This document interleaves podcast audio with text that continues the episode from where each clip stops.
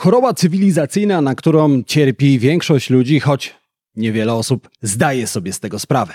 Mowa oczywiście o prokrastynacji, czyli potocznym odkładaniu rzeczy na później.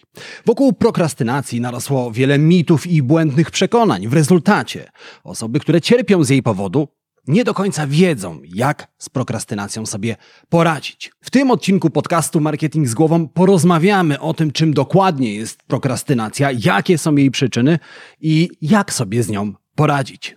Zaczynajmy. To jest podcast Marketing z Głową. Źródło wiedzy dla przedsiębiorców, handlowców i marketerów, czyli dla osób, które chcą sprzedawać lepiej i chcą sprzedawać więcej. Zaprasza Łukasz Chodorowicz. Witam Cię w podcaście Marketing z głową. W podcaście, w którym zajmujemy się klientologią, czyli zmieniamy przypadkowych konsumentów w płacących klientów. Jeżeli z jakiegoś powodu jesteś tu po raz pierwszy, to musisz wiedzieć, że własną skoncentrowaną porcję klientologii w każdy poniedziałek możesz dostać prosto na swojego maila. Wystarczy, że zapiszesz się do newslettera Marketing z głową. A jeżeli od razu chcesz przejść na wyższy poziom marketingowej wiedzy, dołącz do newslettera Marketing Navigator.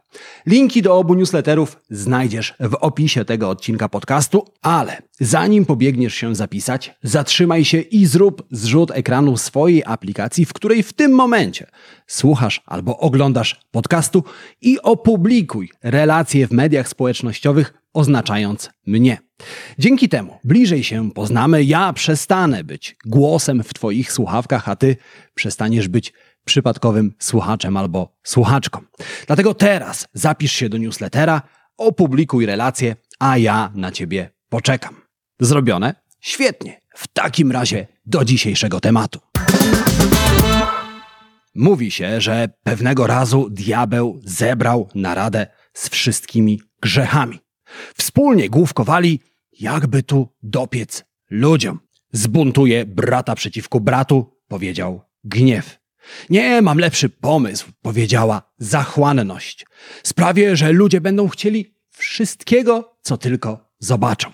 Nienawiść zaproponowała wojnę, zazdrość kradzieże, a pycha pogardę wobec słabszych. Wszystkie pomysły spodobały się diabłu, ale wtedy z rogu sali odezwał się ostatni grzech. Powiedział: Pokażmy ludziom, że mogą być dobrzy. Pokażmy im, do czego są zdolni, jakie wspaniałe rzeczy mogą w życiu osiągnąć. Diabeł spojrzał na niego, jakby właśnie po raz pierwszy zdał sobie sprawę z tego, że na świecie jest zło. Wtedy ostatni grzech dodał: Pokażę im te wszystkie wspaniałe rzeczy, ale przekonam ich, że nie ma pośpiechu, że mogą zacząć od jutra. I w tym momencie sam diabeł zadrżał z przerażenia, a ostatni grzech, rzecz jasna, nazywał się prokrastynacja. Czym zatem jest prokrastynacja? Słowo prokrastynacja wywodzi się od łacińskiego procrastinatio, które oznacza odkładanie na później. I tym dokładnie jest prokrastynacja odkładaniem i odwlekaniem spraw na później. Prokrastynacja dotyka zarówno spraw w sferze prywatnej, jak i zawodowej. Odkładamy na później koszenie trawnika, sprzątanie, remont, ale odkładamy również pracę nad raportem, założenie własnej firmy, napisanie artykułu na bloga. Według badań do odkładania spraw na później przyznaje się 74% badanych. Moim zdaniem pozostałe 26% nadal odkłada udział w badaniu na później. Można zatem powiedzieć, że każdemu z nas zdarza się prokrastynować, czyli odkładać sprawy na później. Czy to oznacza, że jako społeczeństwo jesteśmy z natury leniwi? Nie do końca. Bo jednym z najczęściej powtarzających się pytań w kontekście prokrastynacji jest to, czy prokrastynacja to to samo co lenistwo. I biorąc pod uwagę przyczyny prokrastynacji, o których więcej porozmawiamy za moment, odkładanie spraw na później, prokrastynacja, to nie to samo co lenistwo. Choć mogłoby się wydawać, że konsekwencje prokrastynacji i lenistwa są takie same, bo w końcu osoba, która odkłada sprzątanie na później z powodu prokrastynacji, a osoba, która odkłada sprzątanie na później z powodu lenistwa, ma w domu taki sam bałagan. Okazuje się jednak, że w głowie prokrastynatora i w głowie osoby, która po prostu się leni, dzieją się różne rzeczy.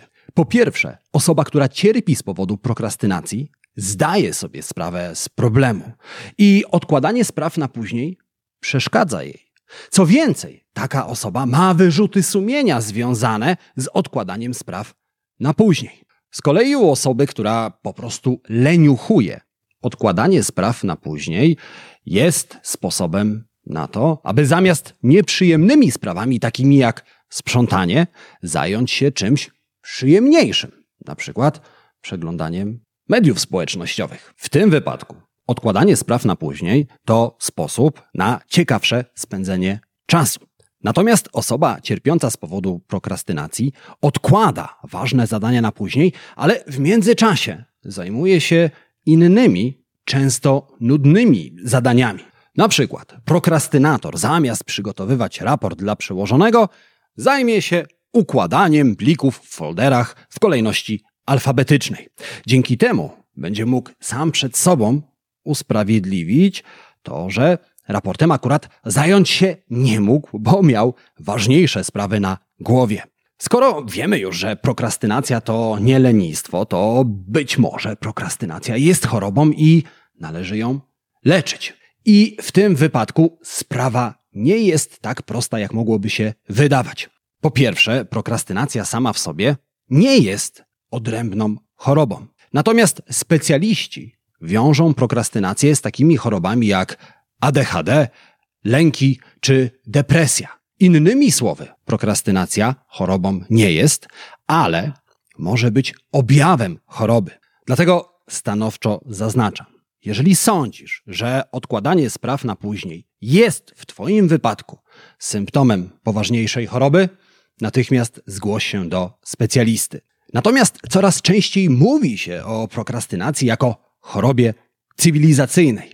I paradoksalnie przyczyną prokrastynacji może być wyścig szczurów i lęki z nim związane. Ale zanim dokładnie porozmawiamy o przyczynach prokrastynacji, warto zaznaczyć, że niektóre osoby mogą mieć naturalne predyspozycje do tego, żeby odkładać zadania na później. To osoby, które w teście Wielkiej Piątki Osobowości wypadają wysoko na skali neurotyzmu, czyli osoby podatne na stres i takie, które głęboko przeżywają porażki. I teraz, biorąc powyższe rzeczy pod uwagę, możemy wytropić bardzo precyzyjnie przyczyny prokrastynacji. Zatem, co jest przyczyną prokrastynacji? Wiele osób sądzi, że przyczyną prokrastynacji jest niska samodyscyplina. Natomiast to nie do końca prawda. Niska samodyscyplina jest zaledwie jednym elementem większej układanki. Żeby dokładnie zrozumieć prokrastynację, musimy znaleźć pozostałe elementy. A pierwszym elementem jest paradoks przyszłości. Paradoks przyszłości to przekonanie, że przyszłość paradoksalnie jest odleglejsza niż nam się wydaje. Pod jego wpływem mamy wrażenie, że konsekwencje tego, co robimy albo nie robimy, pojawią się w odległej, odległej przyszłości. Na przykład, jeżeli od tygodni odkładasz wizytę na siłowni i jesteś przekonany, że gorsza kondycja pojawi się dopiero za kilka miesięcy, albo jeżeli odkładasz napisanie ważnego raportu, ponieważ sądzisz, że masz jeszcze mnóstwo czasu. Niestety, jak zawsze, czas mija szybciej niż nam się wydaje. Drugą przyczyną są lęki i niepokój. Czasami strach związany jest z samą czynnością, a czasami z jej wynikami. Na przykład wiele osób odkłada wizytę u lekarza, ponieważ boją się diagnozy. Natomiast ludzie, którzy boją się latać, będą odwlekali decyzję o wyjeździe na urlop. Tę przyczynę prokrastynacji najtrudniej zauważyć, ponieważ umysł doskonale kamufluje strach i zawsze znajdujemy sobie inne powody, żeby usprawiedliwić nasze odwlekanie spraw na później. Tłumaczymy sobie, że zawsze będzie lepszy moment na wizytę u lekarza, albo że mamy jeszcze sporo czasu, żeby wybrać miejsce na urlop. Kolejną przyczyną prokrastynacji jest brak wiary we własne umiejętności. Wiara we własne umiejętności jest kluczem do wykonania każdego zadania. Jeżeli wierzę, że jestem w stanie coś zrobić, to to robię. Jeżeli sądzę, że czegoś nie jestem w stanie zrobić, to będę to odkładał na później. Czasem bez końca. A przynajmniej do momentu, w którym uznam, że zdobyłem niezbędne umiejętności. Dlatego osoby, które wątpią w swoje kompetencje, będą odwlekały zadania na później. Czasem jednak problemem bywa faktyczny brak kompetencji. I to jest kolejny powód prokrastynacji. Jeżeli zadanie rzeczywiście jest dla mnie zbyt trudne, to będę ociągał się z rozpoczęciem tego zadania. Za każdym razem, gdy wątpisz w swoje kompetencje, bez względu na to, czy naprawdę ci ich brakuje, czy tylko tak ci się wydaje, prokrastynacja staje się twoim mechanizmem obronnym. Odwlekasz pracę nad tymi zadaniami, żeby się nie skompromitować. Innymi słowy, prokrastynacja w myśl zasady podpowiada ci, że nie da się zrobić źle zadania, którego się nie podejmiesz. Kolejną przyczyną prokrastynacji jest perfekcjonizm. Osoby, które sądzą, że wszystko, czego się dotkną, musi wyjść idealnie, będą odkładały zadania na później, ponieważ doskonale sobie zdają sprawę z tego, że nie ma zadań, które da się zrobić idealnie. Takie osoby, zanim rozpoczną pracę, chcą mieć pewność, że wszystko pójdzie jak spłatka. To osoby, które bez przerwy zakładają firmy, to osoby, które ciągle zabierają się za napisanie książki. Przekonanie, że w życiu nie ma miejsca na potknięcia, porażki, skutecznie zabija chęć do działania. Kolejną przyczyną prokrastynacji jest nuda. Biologia wyposażyła nas w całkiem sprawny mechanizm motywujący. Mamy w mózgach tak zwany układ nagrody, który nagradza nas za dobrze wykonane zadania, uwalniając odrobinę dopaminy, hormonu szczęścia. To dzięki dopaminie czujesz satysfakcję po dobrze wykonanej pracy. Im ciekawsze zadanie i paradoksalnie trudniejsze, tym większą porcję dopaminy dostajesz i tym większą satysfakcję czujesz. Czasami musimy jednak zająć się zadaniami nudnymi, sprzątaniem, przypisywaniem tekstów. Pod wpływem tych zadań czujemy niewielką satysfakcję, a więc mamy niewielką motywację do działania. I ostatnią przyczyną prokrastynacji jest produktywność. Tak, dobrze słyszałeś, dobrze słyszałaś. Produktywność, czyli chęć bycia wydajnym, może prowadzić do odwlekania zadań na później. Mam tutaj na myśli jednak chorobliwą, patologiczną produktywność. To produktywność, którą posługują się osoby traktujące pracę jak sport. To osoby, które upychają w swoim kalendarzu jak najwięcej zadań, ponieważ satysfakcję daje im odhaczanie ukończonych zadań. Im więcej, tym lepiej. Niestety, takie podejście prowadzi do wypalenia, a wypalenie prowadzi do prokrastynacji. No dobrze, ale jak w takim razie poradzić sobie z prokrastynacją? Jak przestać odwlekać sprawy na później? Jest kilka strategii, natomiast najpierw musisz zdać sobie sprawę z tego, że prokrastynacja jest związana z emocjami. Dlatego można powiedzieć, że odwlekanie spraw na później jest ściśle związane z emocjonalną częścią mózgu, która, uwaga, zachowuje się impulsywnie. To ona pod wpływem emocji wysyła SMS-a, którego później żałujesz. To ona nie potrafi oprzeć się pokusie układania zdjęć z wakacji, chociaż wiesz, że powinieneś zająć się sprawozdaniem. Przeciwwagą dla emocjonalnej części mózgu jest rzecz jasna jego część logiczna. To ona, jeżeli trzeba, trafi zapanować nad impulsami. Problem polega na tym, że emocjonalna część mózgu jest silniejsza od części logicznej. W książkach na temat psychologii tandem, emocje, logika przedstawia się często jako słonia i jeźdźca. Słoń to emocjonalna część mózgu, jeździec część logiczna. Chociaż pozornie jeździec kontroluje słonia, to tak naprawdę, gdy słoń się uprze, to idzie i robi co chce. I tak samo jest z emocjonalną częścią naszego mózgu. Gdy ona się uprze, to będziesz odwlekał zadania na później. Jest jednak coś, co możemy zrobić, aby wzmocnić jeźdźca i jednocześnie osłabić słonia. A przynajmniej sprawić, że będzie nieco bardziej uległy. Po pierwsze, możesz sprawić, że zadanie stanie się atrakcyjniejsze. Jak już wcześniej powiedzieliśmy, w przypadku ciekawych, atrakcyjnych zadań pojawia się nagroda, dawka dopaminy. To rzecz, którą słoń bardzo lubi. I teraz, żeby uatrakcyjnić sobie zadanie, masz dwie możliwości. Po pierwsze, na nudne zadanie spójrz z innej perspektywy. Przeramowanie, bo o nim mowa, uczy nas, że szklanka może być albo w połowie pełna, albo w połowie pusta.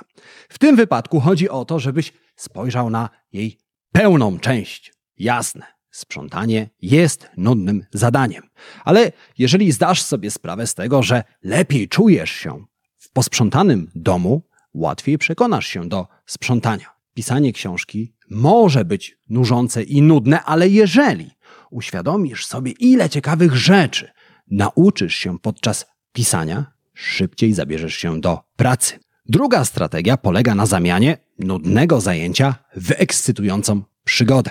Jeżeli nie potrafisz w zadaniu znaleźć nic ekscytującego, to dodaj do zadania odrobinę ekscytacji. Obiecaj sobie, że gdy skończysz zadanie albo jakiś etap zadania, to dasz sobie nagrodę. To może być coś niewielkiego jak czekolada, jeżeli lubisz czekoladę, albo coś większego, jak na przykład wyjazd na weekend za miasto. Wszystko zależy od tego, jak nudne jest zadanie i jak bardzo musisz zmotywować słonia do działania. A w razie beznadziejnych przypadków, to znaczy zadań ultra nudnych, polecam Ci grywalizację.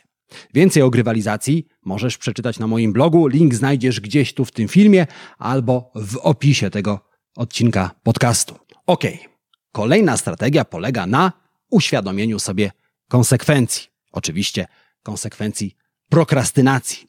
Tym razem zamiast o przyjemnych efektach swojej pracy, pomyśl o nieprzyjemnych konsekwencjach braku działania.